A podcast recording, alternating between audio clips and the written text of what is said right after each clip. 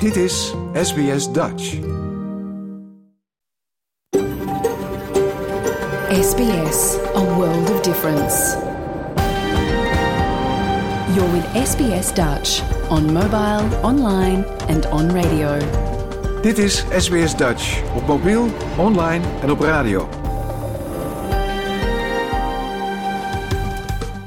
Graag erkennen wij de traditionele eigenaren van het land van waar we vandaag uitzenden.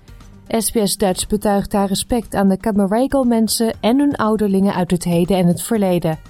Ook erkennen we de traditionele eigenaren van alle Aboriginal en Torres Strait Islander landen van waar u vandaag naar ons programma luistert.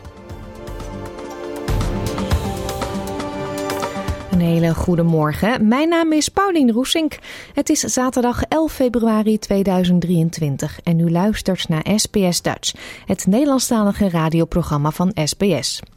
In deze uitzending aandacht voor de meest recente conclusies van het JIT, het internationale team dat onderzoek deed naar de uit de lucht geschoten vlucht MH17. We bellen ook met Mirjam Hilgeman, vaste crewmember van de Duifke, de replica natuurlijk. Het zeilschip heeft er namelijk een spannende tocht op zitten van Sydney naar Hobart. Ze vertelt straks waarom ze naar Tasmanië gezeild zijn en wat er nou zo spannend was aan die reis. De nieuwe aflevering van de SBS Settlement Guide gaat over kinderen en waterveiligheid. En uiteraard krijgt u ook het willekeurige overzicht van het Nederlandse nieuws van de afgelopen week. Dat en muziek allemaal straks, nu eerst het nieuws.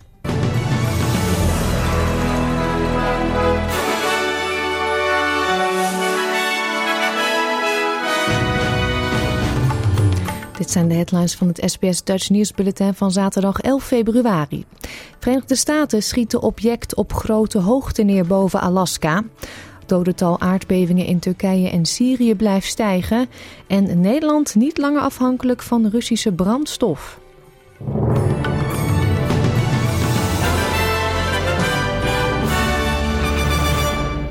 Het dodental als gevolg van de aardbevingen in Turkije en Syrië is opgelopen tot ruim 23.000.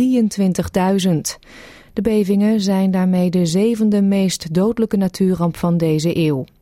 In Turkije is nog steeds één Australiër vermist. Een team van Australische reddings- en bergingsexperts zijn vandaag in het rampgebied aangekomen om de Turkse autoriteiten te helpen. Het ministerie van Buitenlandse Zaken zegt dat het hulp verleent aan zo'n 60 Australiërs en hun families die direct door de aardbevingen zijn getroffen. Miriam Watt, werkzaam voor de Australische hulporganisatie ADRA, is in de Syrische hoofdstad Damascus en sprak met SBS Nieuws. We've been able to provide over 5,000 ready meals, uh, mostly for people who are staying in the collective shelters at the moment. Uh, Today we'll have another distribution of uh, 500 uh, food parcels, and we've just received additional funding to be able to, to continue that. Uh, in Latakia, we are trying to focus on the rural areas where not so much assistance has been able to reach so far. Vanmorgen is bekend geworden dat een tweede Australiër is omgekomen bij de aardbevingen. De 69-jarige Suat Bayram uit Melbourne was op vakantie in Turkije. In een bericht op Facebook zegt zijn dochter dat ze kapot is van het nieuws. Bij een gewelddadig steekincident in een huis in Wyndham Vale in het zuidwesten van Melbourne zijn twee mannen om het leven gekomen. Een derde man vecht voor zijn leven in het ziekenhuis. De politie heeft geen details vrijgegeven over de identiteit van de betrokken mannen of de omstandigheden van het incident. Rechercheurs van de afdeling moordzaken doen onderzoek. Uit nieuwe cijfers blijkt dat er afgelopen jaar twee keer zoveel klachten zijn ingediend wegens vermeend wangedrag door gezondheidswerkers als het jaar daarvoor. Landelijk heeft de Australian Health Practitioner Regulation Agency in het afgelopen kalenderjaar 344 meldingen geregistreerd. Dat zijn er 180 meer dan in de 12 maanden daarvoor. Mislukte behandelingen, ongepaste seksuele relaties met patiënten en het ten onrechte afgeven van vaccinatievrijstellingscertificaten zijn enkele van de ernstige zaken die zijn doorverwezen naar tribunalen. Het Pentagon heeft boven Alaska een object neergeschoten ter grootte van een kleine auto. Op verzoek van president Joe Biden hebben straaljagers het, object neergehaald dat op iets meer dan 12.000 meter hoogte vloog in het uiterste noordoosten van Alaska, eh, vlak bij de Canadese grens. Een paar dagen geleden schoot de VS een Chinese surveillanceballon neer voor de kust van South Carolina. Woordvoerder van de Nationale Veiligheidsraad, John Kirby, zegt dat het object dat over Alaska vloog een redelijke bedreiging vormde voor de veiligheid van burgervluchten en dat het met bedachtzaamheid is neergehaald. I think we're going to try to learn more. I can tell you it was an object. It was at 40,000 feet, and the, the the the predominant concern by the president was a safety of flight issue at that altitude. Remember the one that we shot down last Saturday? It was at 65 plus thousand feet. Um, so no threat to civilian aircraft. This one at 40,000 feet could have posed a, a, threat to civilian aircraft, and it did not appear to have uh, the maneuverable capability that the other one did. Het object had geen mensen aan boord.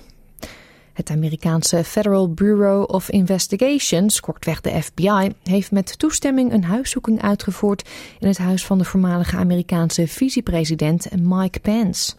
Vorige maand werden in zijn huis geheime documenten gevonden.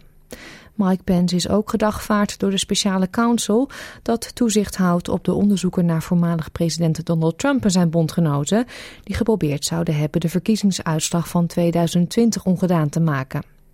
Associated Press-verslaggever Eric Tucker zegt dat de voormalige vicepresident belangrijk is voor het ministerie van Justitie, omdat hij kan spreken over de gemoedstoestand van de voormalig president Trump op 6 januari 2021, de dag dat het kapitool werd bestormd. These developments, the subpoena and the FBI search, are coming as many expect Mike Pence to enter the 2024 presidential race, which would pit him against Donald Trump, the former president. And so it is impossible to untangle the legal and political implications here because there's a lot that's happening in the weeks and months ahead in the political realm about Mike Pence's potential 2024 candidacy. And so this is all happening at a very interesting moment. Op dit moment lopen er ook nog onderzoeken naar voormalig president Donald Trump en de huidige president Joe Biden vanwege het bewaren van geheime documenten. Rusland heeft gisteren een raketaanval uitgevoerd op Oekraïne, waarbij drones doelen in verschillende delen van het land hebben bestookt. Oekraïense functionarissen zeggen dat raketten over het luchtruim van Moldavië zijn gevlogen. En volgens de Oekraïense president Volodymyr Zelensky hebben enkele raketten ook Roemenië bereikt. Maar dat wordt door Rusland ontkend. Naar verluid was de Oekraïense hoofdstad Kiev het doelwit van de aanvallen. Het stadsbestuur van Kiev zegt dat de luchtmacht erin geslaagd is om tien raketten boven de stad neer te schieten. Delen van een raket beschadigden twee auto's, een huis en elektriciteitsdraden, maar er vielen geen slachtoffers. Ook belangrijke infrastructuur in Kharkov, de op één na grootste stad in het noordoosten van Oekraïne, werd getroffen. Daarbij zijn zeven mensen gewond geraakt. Tenminste zes mensen, onder wie drie kinderen, zijn omgekomen toen een gebouw in het noorden van Egypte instortte. Voorafgaand aan de instorting vond een explosie plaats. De explosie werd veroorzaakt door kookgasflessen die in strijd met de regels in de kelder van het vier verdiepingen tellende appartementengebouw waren opgeslagen. In de stad Damanhur in de Nijldelta, ongeveer 150 kilometer ten noorden van de hoofdstad Cairo, werd, wordt in het puin nog gezocht naar vermisten. 27 mensen zijn met verwondingen naar het plaatselijke ziekenhuis overgebracht. Indonesië en Australië zijn overeengekomen om onderhandelingen te starten over een geactualiseerd defensieakkoord. Minister van Defensie Richard Miles heeft samen met zijn ambtsgenoot Prabowo Sibutanto een gezamenlijke verklaring uitgegeven waarin staat dat de besprekingen snel zullen beginnen. In de verklaring wordt gesproken over een update van de bestaande regelingen tussen de twee bondgenoten als een belangrijke bijdrage aan de regionale veiligheid. het gaat over zaken als wederzijdse toegang tot oefenterreinen en regelingen voor gezamenlijke oefeningen. Het verwijst niet naar kwesties die de afgelopen tijd hebben gezorgd voor oplopende spanningen in de regio, zoals de beleidsstandpunten van Association of Southeast Asian Nations ten aanzien van Myanmar of nucleaire non-proliferatie, waarbij Australië op het punt staat om een deal te sluiten over nieuwe nucleaire onderzee onderzeeërs onder de AUKUS-overeenkomst. Nederland is volgens minister Rob Jetten van Energie niet meer afhankelijk van Russische brandstoffen. Hij zegt dat er geen kolen, ruwe olie en olieproducten meer uit Rusland worden ingevoerd. Daarmee voldoet Nederland al aan de EU-sancties tegen Rusland die na de aanval in Oekraïne waren ingesteld. Gas valt daar buiten, maar ook op dat punt is er volgens Jette geen afhankelijkheid meer van Rusland. Dat komt mede door de import van vloeibaar gas, zogenaamd LNG, dat maar voor een klein deel uit Rusland komt. Veel last van de sancties heeft Rusland overigens niet, dankzij de oliehandel met Aziatische landen en de hoge olieprijzen.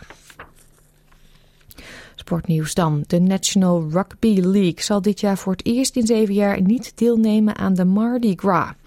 De NRL zegt dat ze niet mee mogen doen vanwege de controverse vorig jaar.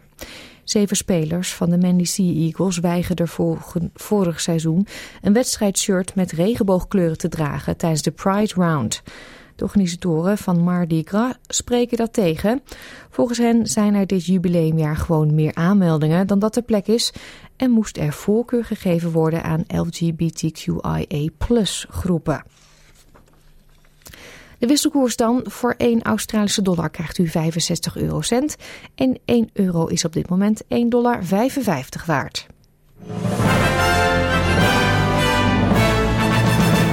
Dan kijken we nog even naar de weersverwachting voor vandaag. In Perth is het zonnig en wordt het 30 graden.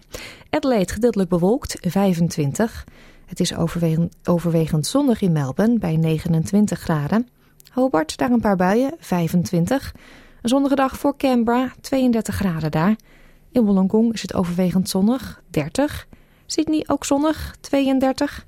Ook in Newcastle veel zonneschijn, 33 graden. Brisbane zonnig, ook 33 graden daar. Een paar buien in Cairns, 31. En in Darwin kans op onweer en zware regen. Het wordt daar vandaag 31 graden. Dit was het SBS Dutch News.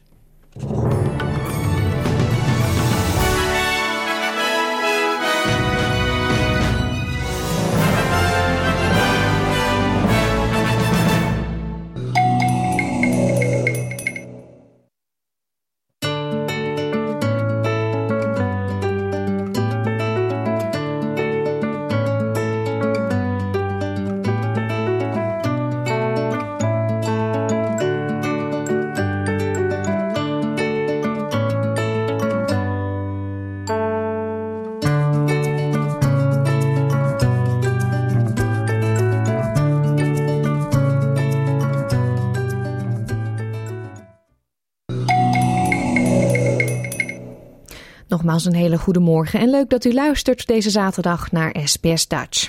Straks praten we met Mirjam Hilgeman over de reis met de duifken van Sydney naar Hobart. Maar we beginnen met het onderzoek naar het neerhalen van vlucht MH17 in juli 2014. Het Joint Investigation Team van Nederland, Australië, Maleisië, België en Oekraïne zegt bewijs te hebben gevonden dat de Russische president Vladimir Poetin in verband brengt met het neerhalen van het vliegtuig boven Oekraïne. Maar de onderzoekers zeggen ook dat ze de zaak niet verder kunnen behandelen, omdat er niet genoeg bewijs is om een veroordeling in de rechtbank veilig te stellen. Ondanks dat zal Australië blijven jagen op de Russische regering, zo zei premier Anthony Albanese. SBS Dutch, woensdag en zaterdag om 11 uur ochtends of online op elk gewenst tijdstip.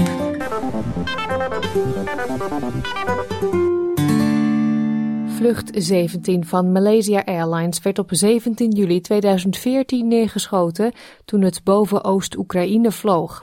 Alle 298 passagiers en bemanningsleden kwamen om het leven, waaronder 38 Australiërs en 196 Nederlanders. Sindsdien zijn onderzoekers hard aan het werk om uit te zoeken hoe het gebeurde en wie verantwoordelijk was. In november vorig jaar werden twee Russische mannen en een Oekraïense separatist bij verstek veroordeeld door de rechtbank in Den Haag voor een rol bij het afvuren van de raket die het vliegtuig neerhaalde. Paul Gard uit Brisbane, die zijn ouders verloor bij de aanval, zei aan het einde van dat proces dat de families nog steeds vragen hebben over de betrokkenheid van Rusland. Why was a Russian missile launcher in the Ukraine? And secondly, who gave the orders and who was responsible for it being there? So I guess those two things are the main issues that we'd like to see resolved. Die vragen zijn nu beantwoord. Rusland heeft altijd enige betrokkenheid bij het neerhalen van het burgervliegtuig ontkend. Maar Andy Kraag, hoofddienst Landelijke Recherche in Nederland, zegt dat er nu bewijs is dat de Russische president Vladimir Poetin persoonlijk betrokken was bij de ramp. Intercepted conversations revealed that the decision about whether to provide military support lay with Putin. There is also specific information showing that the request to supply the separatists with heavier anti-aircraft systems was submitted to Putin and that the request was granted. Other sources as well point out to the, pers- the president's personal involvement in the conflict in eastern Ukraine, mainly behind the scenes. Ondanks dit bewijs zal president Poetin misschien wel nooit voor de rechter verschijnen. Aanklager Digna van Boetselaar zegt dat ze gewoon niet genoeg bewijsmateriaal hebben voor een succesvolle vervolging. We have strong indications, but we do not uh, reach that high bar of, um, of, the, of the evidence that, is, that it's a closed case. En die Kraag zegt dat dit betekent dat ze hun onderzoek voorlopig moeten beëindigen. Are we disappointed? Uh, no, because we think we came further than we have ever thought in 2014.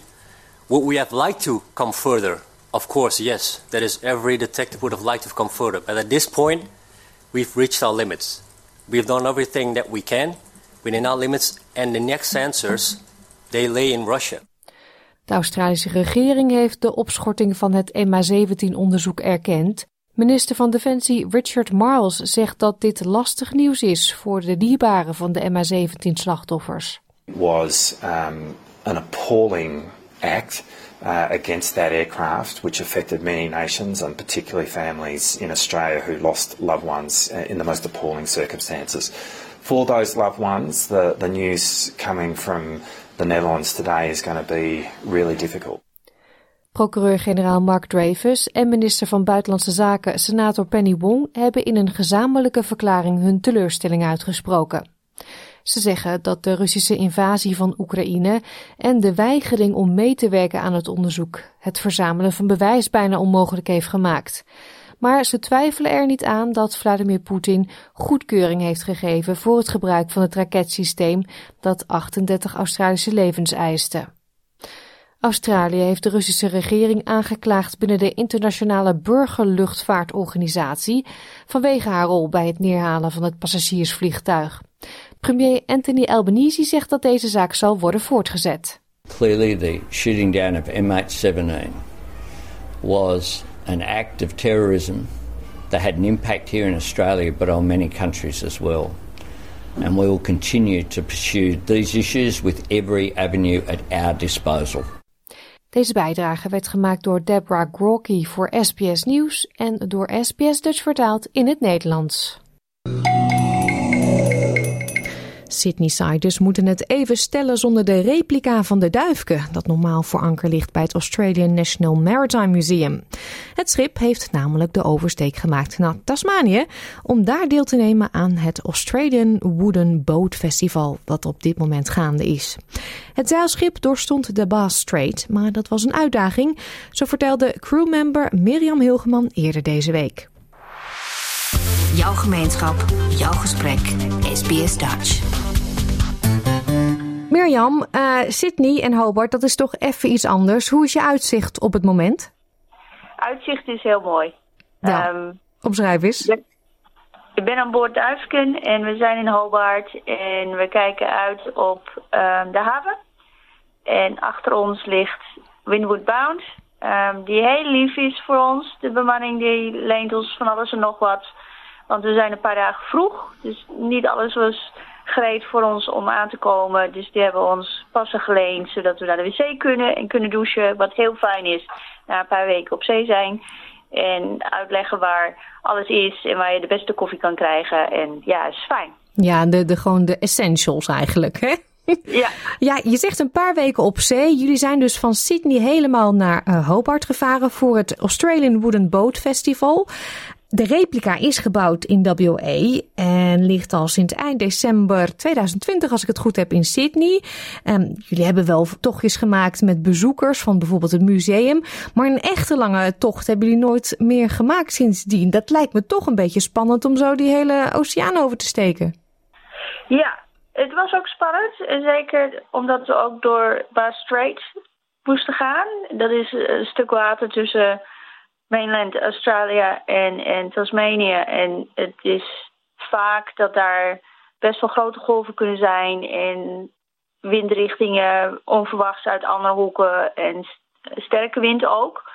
Dus dat was best wel spannend. Voordat we weggingen had ik best wel veel gepraat met de National Maritime Museum vrijwilligers die dit stuk water al wel gevaren hebben. En dan hoor je verhalen en dat je denkt van oeh, oké, dat gaat een uitdaging zijn. En het was ook een uitdaging. Met name omdat er voor veel dagen de wind uit de verkeerde kant kwam. Dus we zijn ook niet in één keer gevaren. We hebben gestopt onderweg om beter weer te krijgen in Eden. We zijn daar een paar dagen geweest.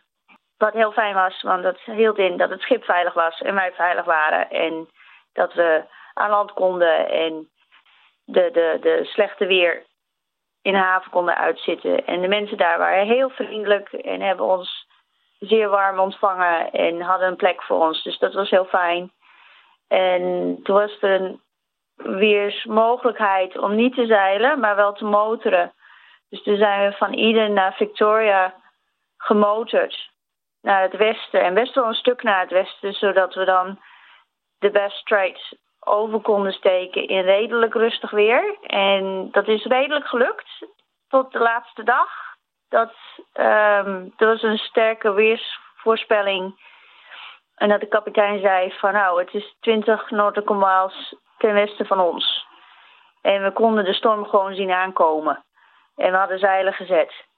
Zo van nou, we zouden toch waar beter een paar zeilen kunnen strijken. En op het moment dat we het zelf strijken deden en twee bemanningsleden omhoog gingen om het op te ruimen, toen was de wind daar. Echt zo van nou, van afstand kunnen zien komen totdat het bij het schip was, wat in theorie gesproken twee uur zouden zijn geweest, was 20 minuten. Zo, dat is hard gegaan dus.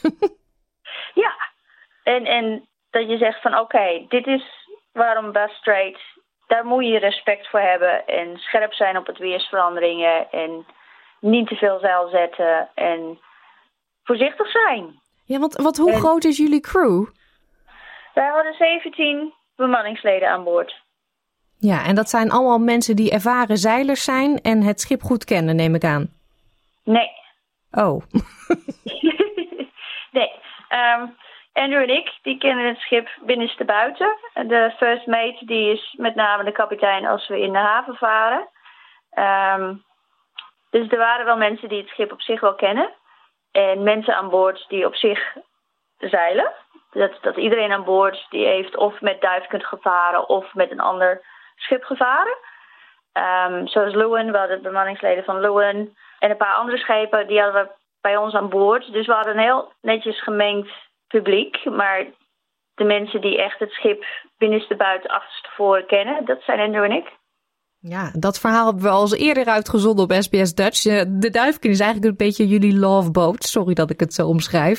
Um, dat verhaal kunnen de mensen wel terugvinden op onze website. Uh, maar hoe hebben jullie dan als team je voorbereid op deze reis? Voordat wij zijn begonnen aan deze reis van Sydney naar Hobart, hebben we een week lang proef gevaren.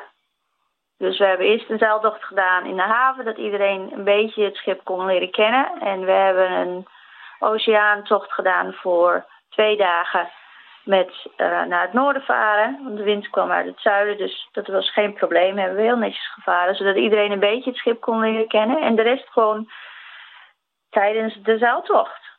Aldoende leert men, zeggen ze dan.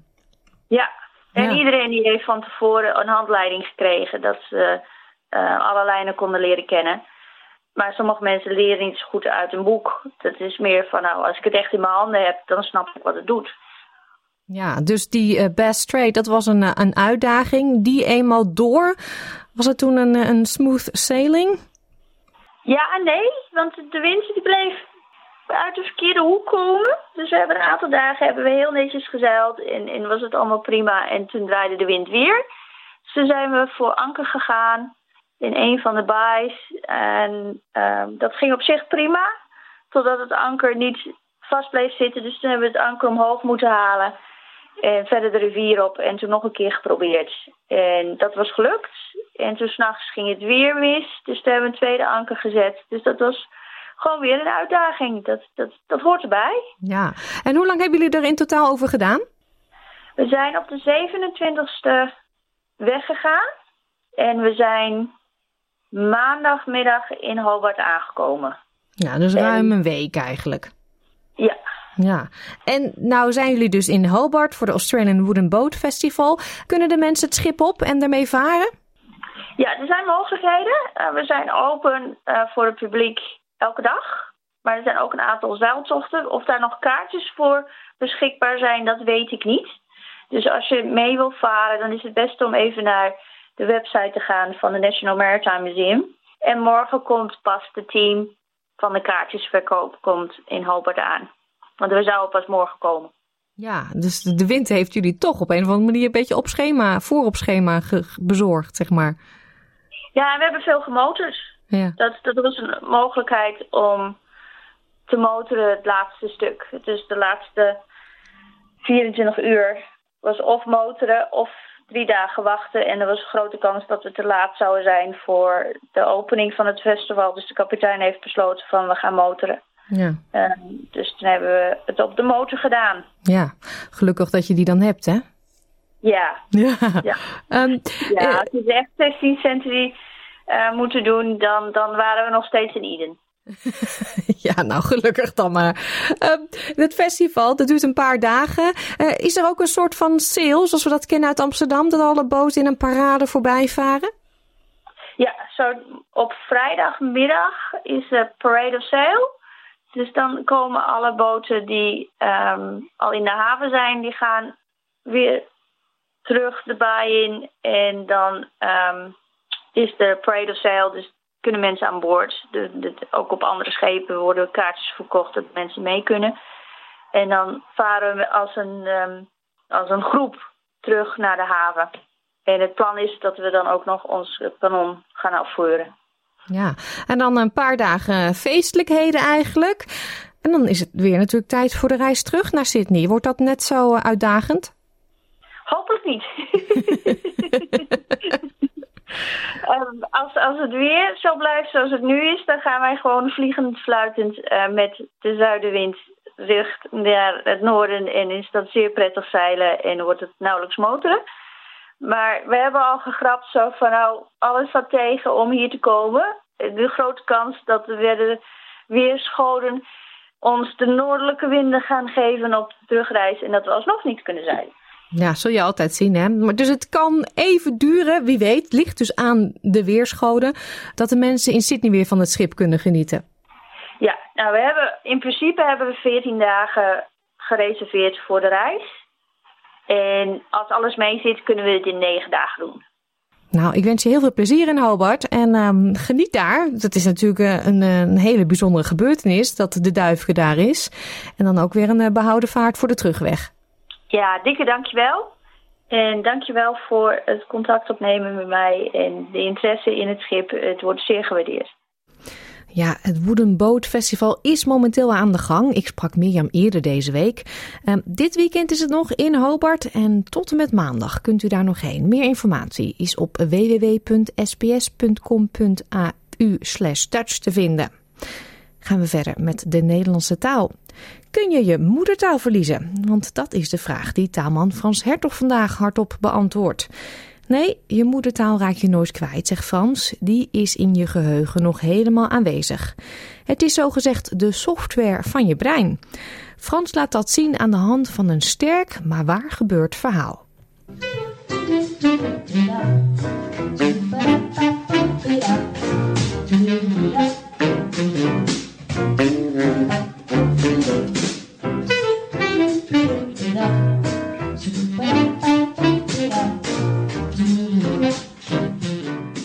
Verloren taal. Rob. Het was een idee van Debra. Het meisje dat af en toe bij ons werkte, diep in de afgelegen Marlborough Sounds.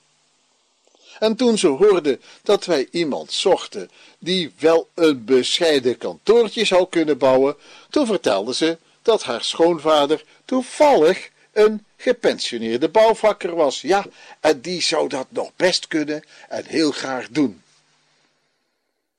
Rob bleek een aardige, wat trage man te zijn, met gevoel voor humor. Hij leed aan een voor ons onbekende ziekte, maar hij kon nog echt alles bouwen, als je er maar de tijd gaf. Nou, daar hadden we in de tijd nog genoeg van. Dus de plannen konden op tafel en de schop in de grond. Rob was dol op koffie met melk, gratis lunch en tussendoor vrij lange pauzes die hij braaf niet doorbrekende in de loonkosten. En wij hadden de tijd om heel wat af te praten. Ik in mijn namaak Oxbridge tongval en hij in zijn vette kiwi-accent. En ik was dan ook stom verbaasd toen bleek dat hij niet alleen in Nederland geboren was, maar dat hij er ook de eerste zestien jaar van zijn leven had doorgebracht. Maar, maar, maar waarom praat je dan niet gewoon Nederlands met ons? vroeg ik. Nee, dat kan ik niet meer, zei hij in zijn beste kiwi-Engels. Is helemaal weg, alles compleet vergeten. Nou, hoe kan dat nou, zei ik. Het is je moedertaal, die vergeet je nooit. Wel, zei hij op zijn wat lijzige kiwi-manier, wel, thuis waren we met z'n achten en mijn ouders vonden dat we ons zo gauw mogelijk moesten aanpassen. Wij mochten thuis geen woord Nederlands meer spreken. Alles moest in het Engels. Hij maakte een soort verontschuldigend gebaar. Ja, en dat deden we. Nou, zei ik beslist, je Nederlands is misschien wat geroest en zeker ondergestoft, maar het is er allemaal nog wel hoor. Je kunt het gewoon niet zo gemakkelijk meer vinden. En ik wil je best helpen om je verloren moedertaal terug te vinden. Och, zei Rob na enig nadenken, ja, dat zou ik wel best willen, maar dat lukt echt niet hoor. Het is te laat. Ik heb geen talen knobbel, maar een talen deuk. Ja, hij had natuurlijk geen zin in een totale mislukking met bijbehorende afgang. Nee, maar dat heb je helemaal niet nodig, zei ik. Je moedertaal is niet verdwenen, hij is alleen onhandig opgeslagen. Hij haalde zijn schouders op, alsof ik hem stond te belazeren. Ja, maar je verstaat ons toch wel als wij Nederlands praten? vroeg ik. Ja, dat kan ik nog wel aardig volgen. Nou, dan is er niks aan de hand. En vanaf dat moment praten we al bouwend alleen nog maar Nederlands. Robs moedertaal kwam steeds sneller en vollediger bij hem terug. Ja, soms moest hij naar een woord vragen, maar dat herkende hij dan weer onmiddellijk, om het niet meer te vergeten. Ja, zijn accent, dat raakte hij niet meer kwijt. Maar ja, iedereen heeft een accent, hè. En na de bouw kreeg hij een cd van cabaretier Joep van het Hek. Ja, misschien wel wat te hoog gegrepen als huiswerk, vreesde ik. Maar nee hoor, hij belde de volgende dag op in het Nederlands. Hij had zich ziek gelachen en hij was dolblij dat hij een stuk van zijn leven teruggevonden had. Zie je nou wel, zei ik, so much voor je verloren taal, Robbie. ik dank u wel. Tijd voor een liedje in hoogstwaarschijnlijk uw moedertaal. We gaan bijna 70 jaar terug in de tijd. De zusjes Mieke en Selma Jansen uit het Limburgse Weert behaalden in de jaren 50 en 60 met regelmaat de hoogste regionen van de Nederlandse hitlijsten en verkochten meer platen dan menig rock'n'roll artiest. De Selvera's, want daar hebben we het over, en onder die naam traden de dames op, scoorden grote hits met onder meer En toen die eerste kus en twee reebruine ogen. Maar vandaag draaien we een heel ander bekend nummer van ze. Dit is de postkoets. Met gemiddeld 23 doden en 183 ziekenhuisopnames per jaar in heel Australië lopen kinderen onder de vijf het meeste risico om te verdrinken. Het is dan ook van groot belang om uw kind te helpen om een veilige zwemmer te worden. Vooral wanneer u op een plek woont waar het gebruikelijk is om activiteiten op of aan het water te doen. In Australië zijn er ongeacht leeftijd of eerdere ervaring mogelijkheden voor kinderen om de vereiste vaardigheden te ontwikkelen. U hoort hier meer over in de nieuwe SBS Settlement Guide, samengesteld door Zoe Tomaidu. SBS Dutch op radio, online en op je mobiele telefoon. Of het nu aan zee, een rivier, een meer of bij een zwembad is, spelen in de buurt van water hoort bij het opgroeien Down Under. Helaas komt er elk jaar ook heel veel kinderverdrinking voor. In 2022 was er een zorgwekkende stijging te zien van het aantal kinderen dat in Sydney in het ziekenhuis belandde vanwege een verdrinkingsincident. Dit leidde tot een hernieuwde waarschuwing van experts van het Sydney Children's Hospitals Network en de New South Wales Ambulance. Ouders moeten zich bewust zijn van de risico's, vooral tijdens het zomerseizoen, zo zegt dokter Esvi Sundapan, een traumachirurg in het Westmead Kinderziekenhuis in West Sydney. You know, warm season, people like to be in water, understandable. You know, Australia is a water loving country. We love our water sports, uh, beaches and pools. And so we just want to make sure we're there in time to remind people to keep the children safe on water. Most times we think this won't happen to me. We should not have that attitude. This can happen to anyone, particularly in this young age group. All you need is a momentary loss of supervision. Verdrinking is de belangrijkste doodsoorzaak voor kinderen onder de vijf jaar in Australië. Dr. Sundapan zegt dat bijna verdrinkingsincidenten gevolgen kunnen hebben voor de gezondheid van jonge kinderen. The unique thing about children in this age group is that when this happens, it's very silent. You know, they just go underwater silently. There's no splashing, which is why it's very, very important to be aware of this and keep an eye on your children when they are in water. We obviously know if you're there underwater for three minutes or longer, you're likely to have significant neurological damage. But even a short period can have an effect on the learning abilities of a child. Stacey Pigeon is de landelijke manager voor Research and Policy bij Royal Life Saving. Ze zegt dat de belangrijkste factoren bij het voorkomen van verdrinkingen zijn actief toezicht, kennis van reanimatie en EHBO-vaardigheden voor ouders en het beperken van de toegang tot water voor jonge kinderen. Vaardigheden om vertrouwd te raken met water en leren over waterveiligheid zouden een essentieel onderdeel moeten zijn van zwemlessen voor alle leeftijdsgroepen, zo legt mevrouw Pitjen uit. So it is really important when parents are looking for a swim school or a swim program that it includes both swimming and water safety skills. So things like learning to float, learning to go underwater, how to rescue uh, someone without putting yourself in danger, and also knowing who to go to and, and who to call, whether or not that's triple zero or going to the lifesavers. Het National Swimming and Water Safety Framework heeft een uitgebreide lijst samengesteld met daarop vaardigheden die kinderen zouden moeten ontwikkelen op basis van hun leeftijd.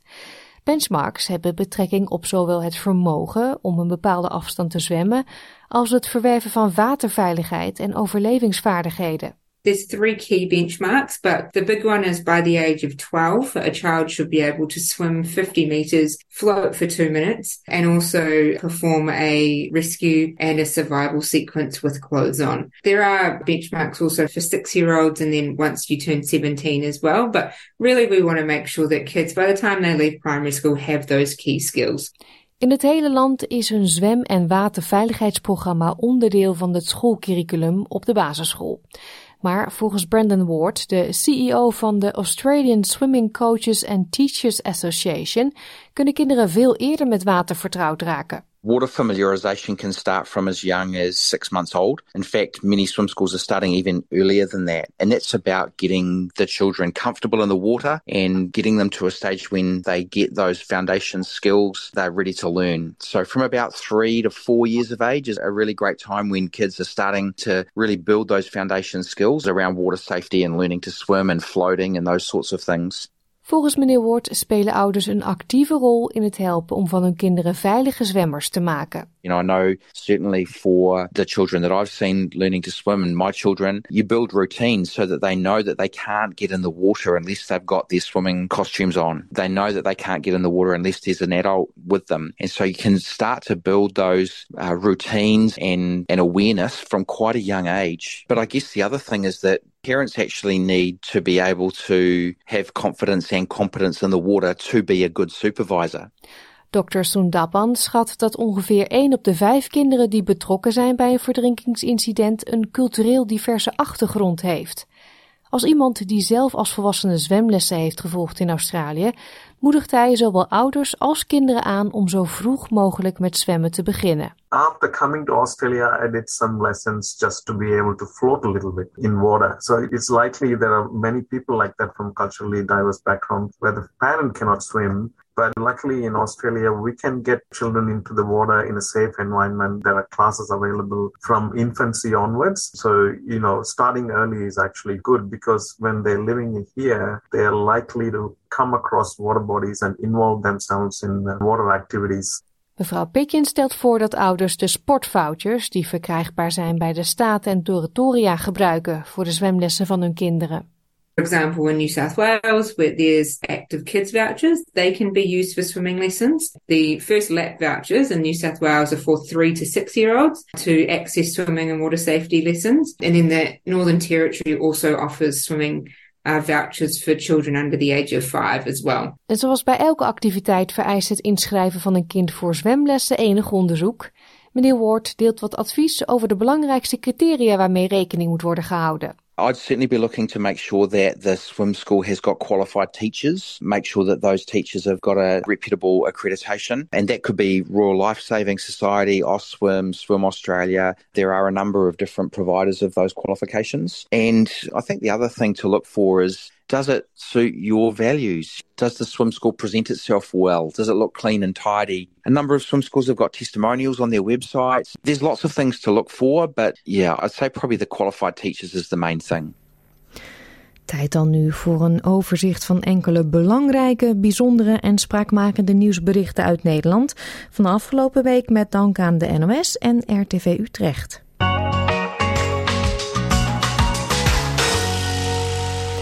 Natuurlijk groot nieuws ook in Nederland zijn de aardbevingen in het zuiden van Turkije en het noorden van Syrië.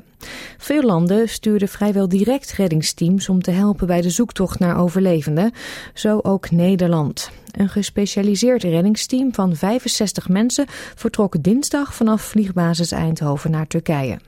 U hoort daarover allereerst Jorg van Waardhuizen van reddingsteam USAR en daarna reddingswerker en hondenbegeleidster Wietske van Steen.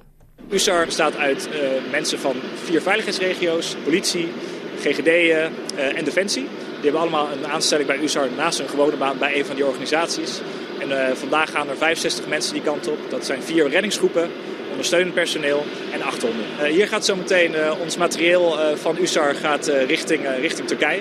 15 ton aan, aan materieel. dan gaat het om ons eigen equipment, dus om, om tenten, om voedsel, om water. Zodat wij het daar lange tijd kunnen uithalen. Alle ondersteunende apparatuur daarvoor, communicatiemiddelen. Maar natuurlijk ook de reddingsmiddelen. Hydraulische apparatuur om puin weg te halen, noem het maar op. We hebben acht honden mee. Per team gaan er twee honden mee. Mijn hond heet Haley. En uh, de hond van mijn buddy, dus deze hond is Senna. Het zijn Mechelse herders en die zijn getraind om uh, mensen te zoeken levend onder puin. Overal waar wij niet bij kunnen komen, kunnen we onze honden wel heen sturen. Dus uh, de gevaarzetting moeten we rekening mee houden. Dat de dingen naar beneden kunnen vallen en een hond gaat zijn eigen weg. Zodat wij op veilige afstand kunnen blijven. Naast het inschakelen van professionele reddingsteams zijn er ook inzamelingsacties gestart door burgers. Verenigingen, moskeeën en andere initiatiefnemers in het hele land roepen mensen op spullen te doneren. Wij zijn een internationaal transportbedrijf en wij rijden van en naar Turkije. En uh, nadat wij vandaag dat slechte nieuws hoorden, hebben wij besloten om uh, uh, tot vier vrachtwagens naar Turkije met hulpmiddelen te sturen. Het is komen en gaan van mensen die van alles brengen. En gelukkig is heel Nederland, iedereen, dus niet alleen de Turkse, maar echt iedereen stond er klaar voor. En ja, daar, daar word je alleen maar blij van. Hij komt van alles binnen, van uh, hygiëneproducten, uh, maandverbandjes, tand, tandpasta, tandenborstel. Ik ken, ik zo, ik denk 90% van de mensen hier niet. Maar ja, iedereen wil, wilt, wilt, wilt helpen. Bij uitzonderlijke rampen zoals deze slaan elf samenwerkende hulporganisaties, waaronder het Rode Kruis, UNICEF en Stichting Vluchteling, de handen ineen onder de naam Giro 555. Op dit Giro-nummer is in de afgelopen dagen al ruim 9 miljoen gedoneerd voor hulp aan de slachtoffers in Turkije en Syrië. Gaan we nu verder met Oekraïne. Nederland gaat samen met Duitsland en Denemarken zo'n 100 Leopard 1 tanks leveren aan dat land. Minister van Defensie Kajsa Ollongren ligt het besluit toe. Oekraïne waarschuwt. Hè, ze zien uh, toch dat er een nieuwe, nieuw offensief kan komen van Rusland binnenkort. Uh, dat is een risico om zich daartegen te kunnen weren en om het vol te kunnen houden. Uh, hebben ze tanks nodig. en deze Leopard 1 tanks waarvan we zeggen dat we er in ieder geval 100 kunnen leveren. Dat kunnen er ook nog meer worden. Die kunnen dus echt een aanzienlijke bijdrage leveren aan de versterking van de Oekraïners op de grond. Zowel uh, in de verdedigende zin als het nodig is, als om weer land terug te veroveren. Ze zijn zeker nog geschikt. Het is eigenlijk de, het, het, model dat gebruikt werd voordat de Leopard 2 in gebruik werd genomen. We kennen hem nog uit de jaren 90 en dit is zeker een, een geschikt en ook ja, een, een gevechtstank die echt kan worden ingezet in oorlogssituaties. Eerder deze week kwam het JIT, het Joint Investigation Team, tot de conclusie dat het onderzoek naar de ramp vooralsnog wordt stilgelegd. Dat hoorde u eerder al in de uitzending. Dit natuurlijk tot grote teleurstelling van de nabestaanden. Die hadden gehoopt dat meer verdachten zouden worden vervolgd. Piet Ploeg, voorzitter van de stichting Vliegramp MH17, is wel blij dat de naam van president Poetin nu officieel gelinkt is aan de ramp. Wat voor mij minstens zo belangrijk is, is dat er ook veel gesproken is over de persoonlijke betrokkenheid van Poetin uh, bij de gebeurtenis in de, in de Donbass. En ook als uh, eindbeslisser in het beschikbaar stellen van, van wapensystemen. Daar zijn tapgesprekken over gehoord. Dus ik dacht van ja, dit is wel, dit is wel groot nieuws. Dat Poetin dus persoonlijk betrokken is geweest bij het beschikbaar stellen van wapensystemen zoals de boek. Premier Mark Rutte begrijpt de teleurstelling van de nabestaanden, maar ziet ook positieve punten. Er is een schat aan informatie vrijgekomen door dit onderzoek, die ook in die twee rechtszaken gebruikt gaat worden. En we weten, het is van een lange adem. Maar dat is nou het bijzondere, die lange adem die hebben wij.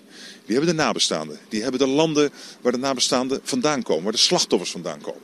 Die zijn wel vandaag teleurgesteld omdat het JIT nu tijdelijk uh, op een laag pitje gaat werken. Ja, en die, die deel ik, die teleurstelling. Maar ik respecteer ook zeer wat het JIT doet in het Openbaar Ministerie. Want die zeggen, ja, we hebben alles nu onderzocht. En als er weer snippers opduiken, gaan we meteen het onderzoek ook weer oppakken. Uh, maar tegelijkertijd wel dit nieuws over Poetin. En dat gaat helpen.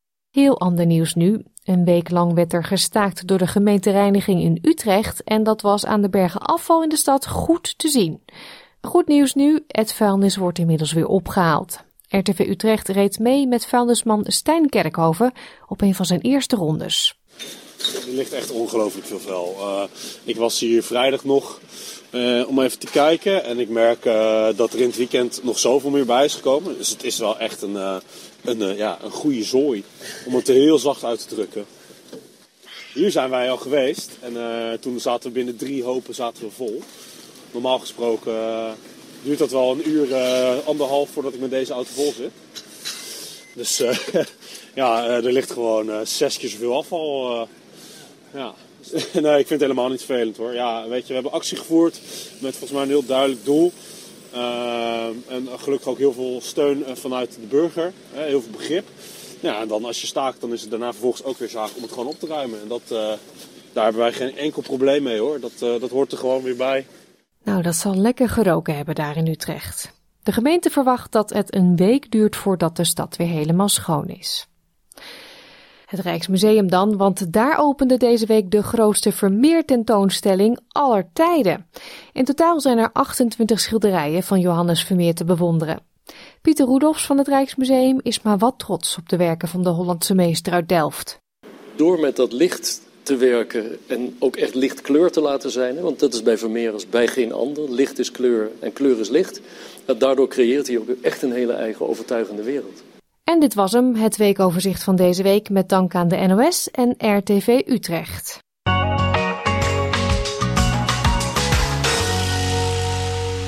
Ja, en daarmee komen we aan het einde van dit uur SBS Dutch. Al onze verhalen en podcastseries zijn terug te luisteren op onze website www.sbs.com.au Dutch.